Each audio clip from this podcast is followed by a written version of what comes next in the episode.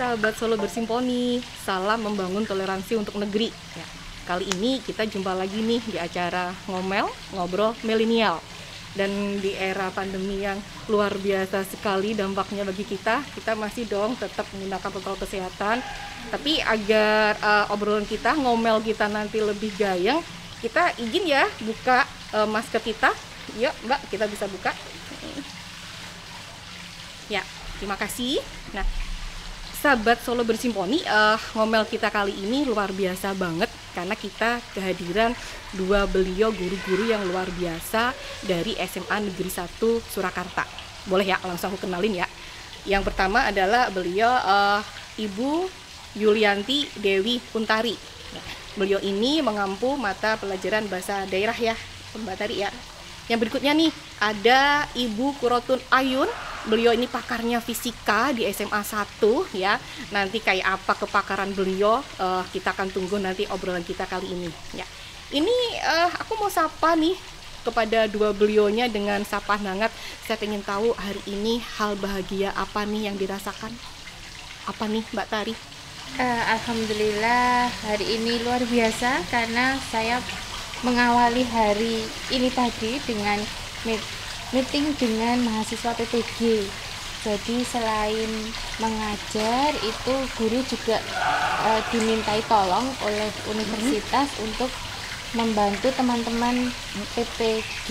Oh, iya. Berarti seru banget dong ya nih teman-teman ya membantu teman-teman PPG ini kan sebagai kayak ini ya cikal bakalnya guru-guru baru gitu ya Mbak ya. Iya. Dan ini beliau berperan nyata bagaimana menjadikan tokoh-tokoh guru yang baru berikutnya dengan guru-guru yang luar biasa begitu ya.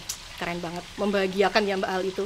Baik, selanjutnya nih kepada Bu Ayu nih hal apa yang bikin bahagia di hari ini? Wah luar biasa, karena saya kedatangan tamu dari SB terutama nomor satu. Ya, yeah karena di acara ini kita bisa saling berbagi apa pun yang ada di kelebihan dari pihak SB maupun dari pihak sekolah bisa saling berbagi dan hidup ini harus dirasakan selalu rasa syukur yang mendalam penuh dengan ibadah dalam setiap kegiatan kita sehingga hidup kita akan lebih berbahagia di setiap saat hari ini harus lebih baik dari hari kemarin dan hari esok harus lebih baik dari hari ini Ya, mantep kan apa aku bilang walaupun beliau ini adalah guru fisika tapi kemampuannya itu dan keahliannya itu holistik gitu. Semuanya masuk keren banget. Itu yang bikin bahagia Bu Ayun pada hari ini gitu ya teman-teman ya. Mbak Tari dan Bu Ayu nih, kita ngobrol santai ya. Yeah. Kita kan nih mau ngobrol milenial nih gitu ya. Walaupun kita bertiga mungkin tidak termasuk kategori milenial, tapi semangat kita nggak kalah dong sama yang milenial gitu kan. Kita pengen banget energi positif kita di hari ini bisa menular ke para milenial lainnya nih gitu ya ini uh, aku mau ngobrolin tentang ini deh uh, yang lagi kalau boleh dibilang viral sih viral ngetren sih iya karena mau nggak mau emang pandemi ini dampaknya luar biasa gitu ya viral tapi kok pandemi gitu kan. Tapi emang inilah yang terjadi ya teman-teman. Uh, kita selama hampir hampir 8-9 bulan lah kita hidup berdampingan dengan si pandemi ini si COVID-19 ini satu hal yang mau nggak mau memang menjadi satu hal yang harus kita jalanin kayak gitu ya. Dan tentunya uh, beliau berdua ini sebagai seorang pengajar di SMA 1 Surakarta pastinya banyak hal istimewa nih yang terjadi di sana gitu. Kita pengen tahu nih ya uh, Mbak Tari dan Bu Ayun nih uh, ini deh uh, dari Bu Tari. Eh maaf dari Bu Ayun dulu aja ya Mbak Tari ya. Saya pengen tahu nih uh, Bu Ayun nih selama pandemi ini kan pasti ada perubahan-perubahan yang terjadi. Banyak penyesuaian yang harus dilakukan sebagai seorang guru nih. Pengen banget denger pengalaman Bu Ayun dong. Bagaimana sih Bu Ayun ini uh, me, kalau boleh aku bilang menyiasati gitu ya mengatur strategi yang luar biasa dalam era pembelajaran jarak jauh kita. Silahkan Bu Ayun. Ya, sebelumnya saya tadi belum salam ya. Assalamualaikum warahmatullahi wabarakatuh Oke, di masa pandemi ini memang banyak hal hikmah yang harus kita istilahnya kita terima segalanya ya, harus dengan lapang dada, dengan penuh keprihatinan seperti itu. Tetapi ada hal yang luar biasa juga di balik masa pandemi ini. Di antaranya apa? Uh, saya menyapa uh, audien itu dengan teman-teman atau saudara sahabat atau Solo sahabat, bersimponi. Ya? Oh, sahabat Solo bersimponi ya. Jadi selama pandemi ini banyak hal yang bisa kita ambil. Yang pertama, Bapak Ibu guru sekarang ini luar biasa dalam mengajar dengan cara online yaitu pembelajaran menggunakan Microsoft 365. Hampir semua guru di SMA Negeri 1 Surakarta bisa menggunakan pembelajaran daring menggunakan Microsoft 365. Jadi semuanya belajar. Itu hal yang pertama yang sungguh luar biasa perkembangan yang ada di sekolah kita. Kemudian yang kedua, siswa-siswi kita. Walaupun di masa pandemi ini anak-anak itu luar biasa dalam hal satu menyesuaikan pembelajaran daring tersebut dengan berusaha untuk mencari istilahnya alat-alat IT yang bisa menerima pembelajaran Bapak Ibu guru dengan baik. Kemudian mencari jaringan yang di mana jaringan itu bisa uh, istilahnya digunakan untuk memfasilitasi daripada kegiatan daring dari Bapak Ibu guru. Dan juga yang berikutnya adalah beberapa sistem yang ada di sekolah itu sudah kita tingkatkan juga sehingga nanti seandainya ada anak-anak yang misalkan ada kekurangan di hal daring ini maka anak-anak bisa kita fasilitasi berbagai hal tentunya dengan alat-alat IT yang trouble atau apa bisa pinjam dari sekolah seperti itu. Jadi hal yang positif bisa diambil. Kalau masalah hal negatif tentunya tetap ada Mbak Profita.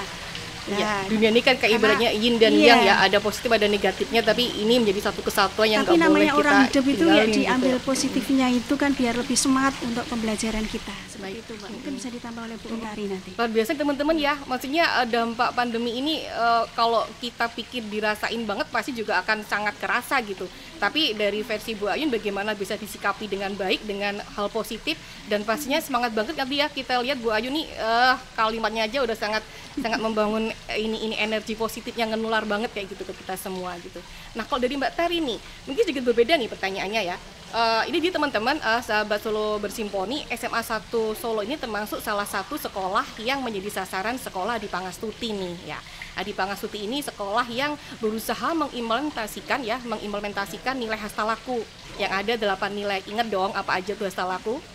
3G lepat Oke, kita bareng-bareng mengingat ya, ada 3G lepat.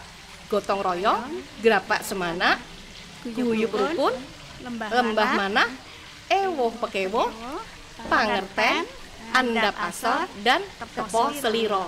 hebat banget kan ya apal banget loh tiga J lepatnya. Dan pastinya beliau berdua ini memang gak hanya apal ucapan aja nih teman-teman. Tapi memang langsung ini kalau bahasanya langsung menerapkan langsung uh, ini ya kalau kita boleh bilang itu langsung mengejawantahkan gitu. Nilai laku di dalam keseharian pengajaran beliau berdua di sekolah gitu. Nah sekarang kita pengen tahu nih dari versinya Mbak Tari nih Pak uh, selama apa ya PJJ ini kan ini kalau uh, sahabat Solo Bersimoni SMA 1 ini menjadi tahun kedua menerapkan sekolah di Pangastuti nih ya. Pastinya berbeda banget karena yang tahun kemarin ini kan kita kita offline ya. Kita seru-seruan banget, luar biasa banget kegiatannya. Pasti berbeda sekali yang terjadi di era pandemi ini. Semuanya kegiatan di sekolah di Pangastuti menjadi online gitu. Nah, ini dari kacamata seorang Mbak Tari sebagai pengajar, ya kita spesifikkan kebetulan Mbak Tari ini juga wali kelas ya Mbak ya? Kelas berapa Mbak Tari? 10 MIPA 4 10 MIPA 4 gitu ya. Kita pengen tahu nih uh, Mbak Tari yang sebagai guru bahasa daerah dan juga sebagai uh, wali kelas 10 MIPA 4 pasti selama pandemi ini uh, banyak hal-hal luar biasa juga terjadi dengan anak-anak didiknya gitu ya. Boleh nggak nggak cerita Mbak hal apa cerita apa yang menarik di antara para siswa itu selama pandemi ini yang pernah disampaikan ke Mbak Tari nih? Ya. silakan. Uh, lebih banyak ke masalah teknis karena kita belajar secara daring dan dari rumah. Kebetulan SMA 1 menerapkan presensi juga hmm. meskipun dari rumah anak-anak tetap presensi. Pakainya Kaizala. Hmm. nah nanti dari Kaizala itu anak-anak akan mengirimkan foto diri mereka. Nah foto diri dan itu semuanya kan menggunakan HP nah kemudian Eh, anak-anak tes itu juga menggunakan Bimasoft. Itu juga hmm. pakai HP jadi seluruh di HP mereka itu harus ada empat aplikasi dan semua harus ada di HP dan akhirnya mereka mengeluh bu HP saya nggak kuat kalau ini.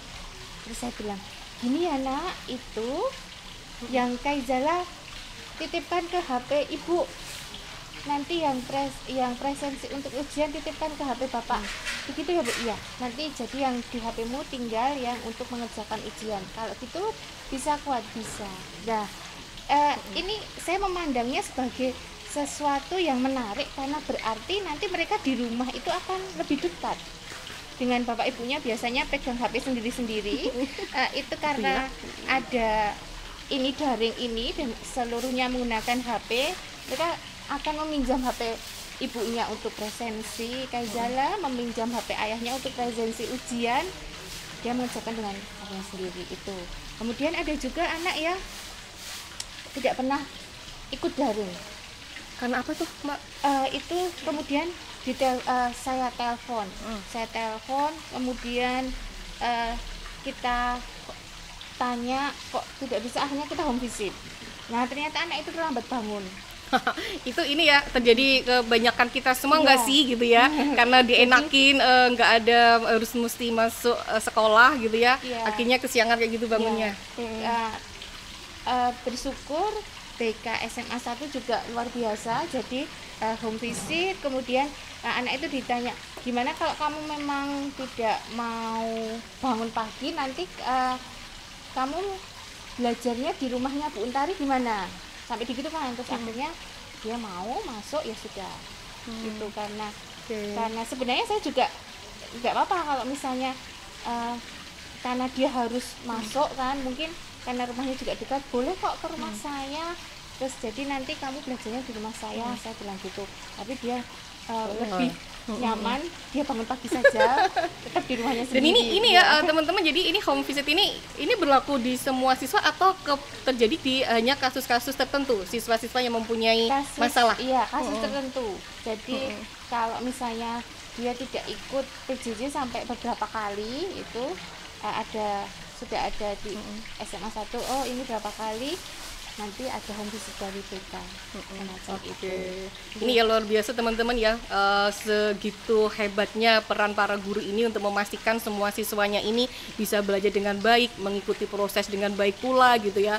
Dengan home visit ini saya pikir perhatiannya luar biasa banget nggak hanya sebatas memastikan dia anak harus ada di kelas, tapi juga benar-benar tahu kejadian apa sih yang mereka alami gitu ya, ya kayak gitu ya Mbak Tari ya. Iya. Oke, ini ah aku pengen berlanjut ke Bu Ayu lagi nih. Ini beliau ini salah satu youtuber baru nih di SMA 1 nih. Oh, karya-karyanya di YouTube tuh banyak banget tahu nggak sih? Ini beliau-beliau ini eh, bagaimana Bu ini bisa ini ya membuat video pembelajaran tentang mata pelajaran fisika yang beliau ampuh, tapi dengan bisa menyisipkan nilai hasta laku nih, gitu ya. Nah, kita pengen tahu dong gimana Bu Ayun eh, selama ini bisa ini ya eh, bisa ini kalau boleh kita bilang bisa nyisipin nih nilai laku ini ke dalam pembelajaran beliau boleh cerita dong bu gimana Ya, ceritanya baiklah Mbak Murvita. Wah, luar biasa Mbak Murvita. Memujinya sudah terlalu tinggi sebenarnya ya ini biasa kan eh, saja kalau ya. orang bilang gini eh kediri lakutane bukti lah nyatane gitu Saya coba jawab ya. Jadi selama pandemi ini seorang guru memang harus mensiasati bagaimana agar pembelajaran itu tidak membosankan siswa dan siswa juga tidak terbebani. Karena kalau kita mengajar dengan video tanpa diupload di YouTube itu tentunya berat itu anak-anak untuk eh, mengamati daripada video kita. Oleh karena itu saya membuat satu channel YouTube yang sekarang ini alhamdulillah sudah ada 17 Mbak, 17 video. Hmm, bayang pun teman-teman Ya, bayang pun. Kalau nggak seperti itu kan ya nanti kita susah juga cara ngajarnya kalau tidak disisipi dengan beberapa video yang tentunya bisa diamati oleh siswa. Jadi kita variasi. Anak-anak kadang kita berikan eh, video-video melalui YouTube channel saya. Kalau pengen tahu, tadi saya menyapanya apa lupa saya lagi Mbak. Sahabat Solo Sahabat Bersimfoni. Solo Bersimfoni ya. Kalau ingin eh, istilahnya melihat daripada video tersebut bisa ketik aja di YouTube Kurotu Ayun. Nah itu langsung aja muncul semua video yang ada, terutama ini untuk adik-adik siswa ya SMA kelas 11 bisa nanti ikut menimba ilmu fisika di situ. Jadi ada 17 video di sana. Nah dalam setiap video yang kami buat, insya Allah di situ sudah kita sisipkan adanya 3G lepat mbak. bener Seperti yang disebut oleh Mbak. Profita tadi ya, sudah di luar kepala kalau Mbak Profita ya. Punya Brukun, Gotong Royong, Pak Sumana, Lembah Mana, Ewo Pekewo, Pangerten, ada Pasar sama Tepo Sliro. Nah, itu sampai sampai ikut-ikutan hafal. nah, kan mulai dari awal SB ke sini itu kita sudah tertarik. Kenapa? Karena delapan karakter itu benar-benar akhlak mulia. Betul itu. Jadi kalau diterapkan, insya Allah itu bisa menjadi eh, anak-anak kita itu punya karakter yang bagus, berakhlak mulia juga seperti itu. Seperti tiba Rasul kan harus akhlaknya mulia. Nah, jadi setiap pembelajaran kami, insya Allah kita sisipkan di satu menit sampai dua menit itu di awal kita sisipkan satu dari delapan hasil laku yang ada. Dan kita uraikan sedikit. Nah, insya Allah dengan seperti itu, maka nanti siswa yang kita ajar itu bisa mengimplementasikannya dalam kehidupannya sehari-hari. Ya kalau kita ingin memantaunya memang susah nih, karena masa daring ini kan kita hanya bisa memberikan. Sedangkan kita kalau melihat anak langsung perubahannya seperti apa kita masih sulit. Nah insya Allah nanti kalau pandemi sudah berakhir ya Mbak ya, pas kita sudah pembelajaran tatap muka, kita sudah bertemu dengan anak-anak yang punya akhlak mulia Mbak. Eh, seperti itu Amin, harapan amin, kita, amin, sehingga kita mengajarkan akan lebih mudah ya kan. Ya, tetap kita punya harapan yang bagus. Ya dengan cara itu tadi niat yang baik. Niat kita kan ingin memberikan hal yang terbaik untuk siswa tidak hanya dengan materi fisika kalau saya tapi juga dengan karakter-karakter yang baik. pembentukan ya. karakter itu penting sekali. Cakep karena kan kalau teman-teman. anak yang cerdas tidak punya karakter ya tidak punya sopan santun tidak punya tata krama. Wah kalau bagi saya itu tidak ada nilainya sama sekali. Yes Ya, setuju tapi- banget Iya, ya tapi kalau uh, anak yang punya karakter bagus itu lebih mudah untuk dibimbing, dibimbing.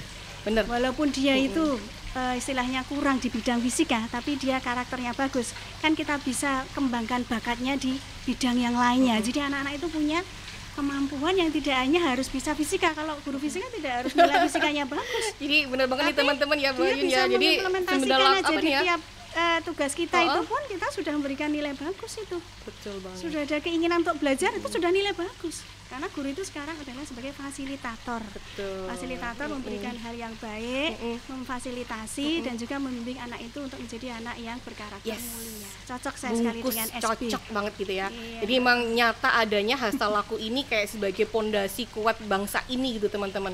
Bagaimana ini menjadi karakter bangsa melalui hasta laku dan ini eh, sekolah di Pangasuti udah mampu untuk bisa mengimplementasikannya ya, bisa mengejawantahkannya kayak gitu ya. terima kasih SB Oke, oh. sekarang ini aku pengen banget nih cerita nih dapat dapat cerita dari eh, Mbak Tari. Aku biasa manggilnya beliau Mbak Tari nih kita biar berasa berumur seumuran gitu ya.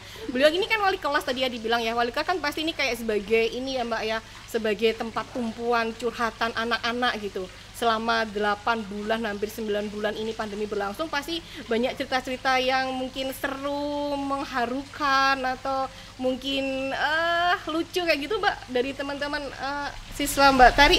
Eh, Silakan Mbak, boleh ceritain ini Mbak. malah bukan dari Mm-mm. eh, siswa perwalian saya ya Mm-mm. siswa perwalian saya eh, tadi sudah saya ceritakan ini dari kelas lain eh, itu ada yang menghubungi saya kebetulan SMA 1 itu memfasilitasi untuk peminjaman laptop. Untuk siapa? Untuk yang membutuhkan. Jadi kita tidak membuat kriteria harus A B Z Iya. itu tidak. Kriterianya membutuhkan hanya itu saja. Nah kemudian ada anak yang menghubungi saya. Bu saya boleh pinjam laptop karena rumah saya baru saja kemalingan bu. OMG jadi kemalingan. eh, HP laptop yang ada di rumah milik saya dan kakak saya semuanya hilang iya silahkan nak. Nah akhirnya dia datang ke sini kami pinjami laptop. Nah peminjaman laptop ini juga eh, untuk anak anak-anak itu ternyata ada beberapa juga yang meminjam. Jadi caranya kita mengumumkan lewat wali kelas siapa yang membutuhkan. Kemudian eh, ada yang datang. Dan mereka juga ternyata eh, kenapa meminjam laptop itu? Biasanya karena ada sesuatu yang di- terjadi yang di dalam terjadi, dirinya iya. gitu ya. jadi eh, ada yang eh, bu HP saya masuk ke laut Hah, gimana jadi ceritanya hari dia iya jadi dia itu piknik terus HP-nya nyemplung ke laut nah Iya iya iya. Itu Terus nanti akhirnya nyelorok kidulnya yang Iya. lagi main HP-an gantian ya. kemudian pinjam oh iya jadi memang eh, tidak ada tidak ada persyaratan A B C tadi akhirnya anak-anak berani untuk meminjam Oke. karena dia memang membutuhkan Luar biasa banget ya teman-teman ya. Jadi eh, dukungan sekolah ini nggak hanya sebatas bagaimana dukungan secara keilmuan tapi juga bagaimana empatinya juga muncul salah satunya peduli dengan kondisi para siswanya yang mungkin sedang kesusahan kayak gitu ya. Eh, terus ada juga yang eh, ditanya yang tidak pernah masuk Mm-mm. alasannya kuotanya nggak ada. Nggak ada kuota. Nah itu sekolah juga memberikan bantuan kuota. Kalau itu memang ada pengajuan Hmm, Oke. dari jadi ini sebelum Kemdikbud memberikan ya. Mm-mm, jadi sebelum Kemdikbud memberikan itu sekolah sudah memberikan eh, kuota bantuan kuota untuk anak-anak yang memang mengajukan. Karena Oke. em, kok tidak pernah masuk ternyata mereka kendalanya ada kendala di di situ kuota. ya. Waduh keren banget ya uh, SMA 1 ini kayaknya paket holistik untuk bagaimana me, ini ya menyikapi adanya pandemi ini bukan sebagai suatu ya yang namanya bencana. Oke okay, iya bencana tapi bagaimana kita bisa mengambil hikmah dari adanya pandemi ini? Nah bicara tentang hikmah ada pertanyaan terakhir nih buat beliau berdua nih gitu ya. Yang selama PJJ ini kan pasti tadi bilang Bu Ayun ada hal positif ada negatifnya nih. Dan tadi kita udah sepakat kita mau berdoa maha serius semoga pandemi ini segera enyah dari bumi ini gitu ya dan nanti nih Bu Ayu dan Mbak Tari di saat uh, pandemi nanti udah hilang gitu ya kita kan berharapnya nggak lama lagi nih teman-teman pandeminya udah hilang gitu ya. Kita pengen tahu nih dari versi beliau berdua hal positif apa sih yang selama pandemi ini uh, berjalan gitu ya yang kita alami yang nanti ini kayaknya bisa deh tetap kita pakai walaupun pandeminya udah hilang. Silahkan iya saya dulu ya. Boleh. Oke. Okay. jadi uh, selama pandemi ini memang harus kita sikapi dengan positif ya. Tapi nanti kalau seandainya sudah berakhir pun segala sesuatu yang sudah kita lakukan di pembelajaran online ini itu masih bisa dimanfaatkan setelah nanti kita pembelajarannya dengan tatap muka. Karena di samping guru dan siswa juga personal dari sekolah pun yang sudah istilahnya menguasai di bidang IT terutama guru ya sudah saya katakan di awal tadi bahwa guru itu sekarang harus bisa IT harus melek karena, semua nih iya, teman-teman IT betul. gitu. Karena kan pembelajarannya dengan daring. Nah setelah nanti berakhir insya Allah hal-hal yang positif yang pembelajaran secara online ini bisa diteruskan sewaktu kita melakukan pembelajaran dengan tatap muka. Di antaranya mungkin pada saat kita belajar tatap muka kita bisa memanfaatkan adanya e, misalkan sharing tentang sesuatu, sesuatu hal di mana di situ menggunakan pembelajaran 365 bisa disisipkan suatu hal dengan baik dengan PowerPoint, hasil karya siswa itu sendiri, kemudian mungkin dengan uh, tampilan dengan pen tablet yang bisa dilihat langsung pada layar di kelas. Ini kan sudah sudah tatap muka, saat ini sudah tatap muka kan dengan menggunakan pen tablet juga bisa di mana di situ anak bisa tampil di situ menggunakan pen tablet yang ada karena anak sudah menguasai dan guru juga sudah menguasai juga. Jadi ada interaksi yang baik antara guru dan siswa. Jadi hal yang positif yang bisa diambil di sini adalah bahwa kemampuan guru dan siswa bisa dimanfaatkan setelah pandemi selesai dan berada di kelas tersebut. Satu lagi di negatifnya, Mbak. Ditanyakan enggak, kita, kita, kita, kita ini aja ya, ya. karena Positifnya negatif itu ya. auranya menjadi kita kurang-kurang ini ya, kurang bagus untuk kita. Kita ambil yang positifnya gitu ya, yang nanti bisa kita comot dan kita tetap pakai di era uh, udah hilang pandeminya gitu. Thank you Bu Ayu. Nah sekarang Mbak Tari nih, apa kira-kira dari versi Mbak Tari yang di pandemi ini bisa tetap kita pakai entah di pandemi udah hilang? Semoga pandemi ini segera berakhir. Yang jelas bisa dipakai adalah menghemat kertas Oh, iya. Ya. Jadi uh, betul. Uh, biasanya ulangan itu kan menggunakan kertas, kita mencetak soal. Nah, karena sekarang kita menggunakan aplikasi, jadi nanti itu bisa diteruskan. Anak-anak hanya menggunakan HP untuk nanti tes. Tes. Hmm. Jadi itu meng bisa menghemat kertas untuk tes. Untuk menjaga ya, bumi kita menjaga. juga nih ya, sahabat-sahabat ya. Cakep. Oke. Okay. Ada lagi mau ditambahin? uh, kemampuan bapak ibu guru yang sudah terasa uh, itu nanti pasti akan ditingkatkan karena uh, sebenarnya bapak ibu guru itu sering mendapat pelatihan ya bu ya tentang pembelajaran workshop, online workshop. itu sering tapi karena tidak digunakan akhirnya uh, tidak terlihat. Nah sekarang ini karena uh, digunakan saat daring ini juga masih bisa digunakan nantinya kalau ditinggal pelatihan atau ditinggal uh, bapak ibu gurunya uh, tugas keluar kota ini kan masih tetap bisa digunakan. Jadi tetap bersama anak-anak meskipun gurunya tidak berada di, lokasi iya. gitu ya Iya, satu lagi Mbak Prof. Oke, boleh, silahkan. Karena selama daring ini kan kita seperti yang dikatakan Bu Untari tadi ya bahwa kita banyak mengadakan workshop di antaranya adalah selain 365 dari SB juga sudah menambahkan workshop. Kita juga ada workshop yang kemarin kita lakukan adalah Kamtasia. Di situ kita bisa menyeting video daripada Bapak Ibu guru sendiri. Nah, setelah itu nanti kalau seandainya pandemi sudah selesai, tentunya uh, edit video ini bisa digunakan Bapak Guru untuk memberikan tampilan yang terbaik pada saat dia di kelas seperti itu. Jadi ini ya nanti uh, para guru ini bisa memberikan materi yang nggak ngebosenin uh, dengan media-media pembelajaran yang super kreatif kayak gitu ya. Jadi anak-anak itu ntar kalau udah pada masuk lagi dia di kelas nggak bawaannya ngantuk, nggak bawaannya pengen segera keluar kayak gitu ya. Karena uh, era positifnya di pandemi ini udah bisa ke bawah nanti di era-era yang setelah pandeminya ini hilang kayak gitu ya. Luar biasa sekali nih uh, sahabat Solo Bersimponi. Tapi karena mau waktu yang membatasin kita nih, maunya sih ngomelnya ngomel terus gitu ya, nggak henti-hentinya gitu. Tapi ntar jangan khawatir akan ada segmen-segmen berikutnya ngomel dengan para narasumber yang juga nggak kalah hebohnya, nggak kalah kerennya gitu ya. Ini uh, satu hal terakhir pengen kita sampaikan semua, pandemi bukan alasan sih untuk kita tidak kreatif kita mesti jadi manusia-manusia yang adaptif gitu ya. Dengan adanya pandemi ini justru memicu kita ya Mbak Tari dan Bu Ayun untuk bisa bagaimana kita bisa menggali potensi kita kita bisa jeli melihat peluang dan sekali lagi kita bisa kreatif dengan hal-hal yang ada selama ini gitu ya. Yang pasti ini sahabat selalu bersemoni semuanya yang nggak boleh dilupain kita harus selalu jaga kesehatan baik jiwa raga pikiran maupun mental gitu ya Oke, sekian dari aku, uh, Profita dari salah satu sahabat Solo Bersimponi. Dan karena kita mau taat protokol kesehatan, kita mau pakai lagi dong maskernya. Ya, sampai jumpa kawan-kawan sahabat Solo Bersimponi semuanya.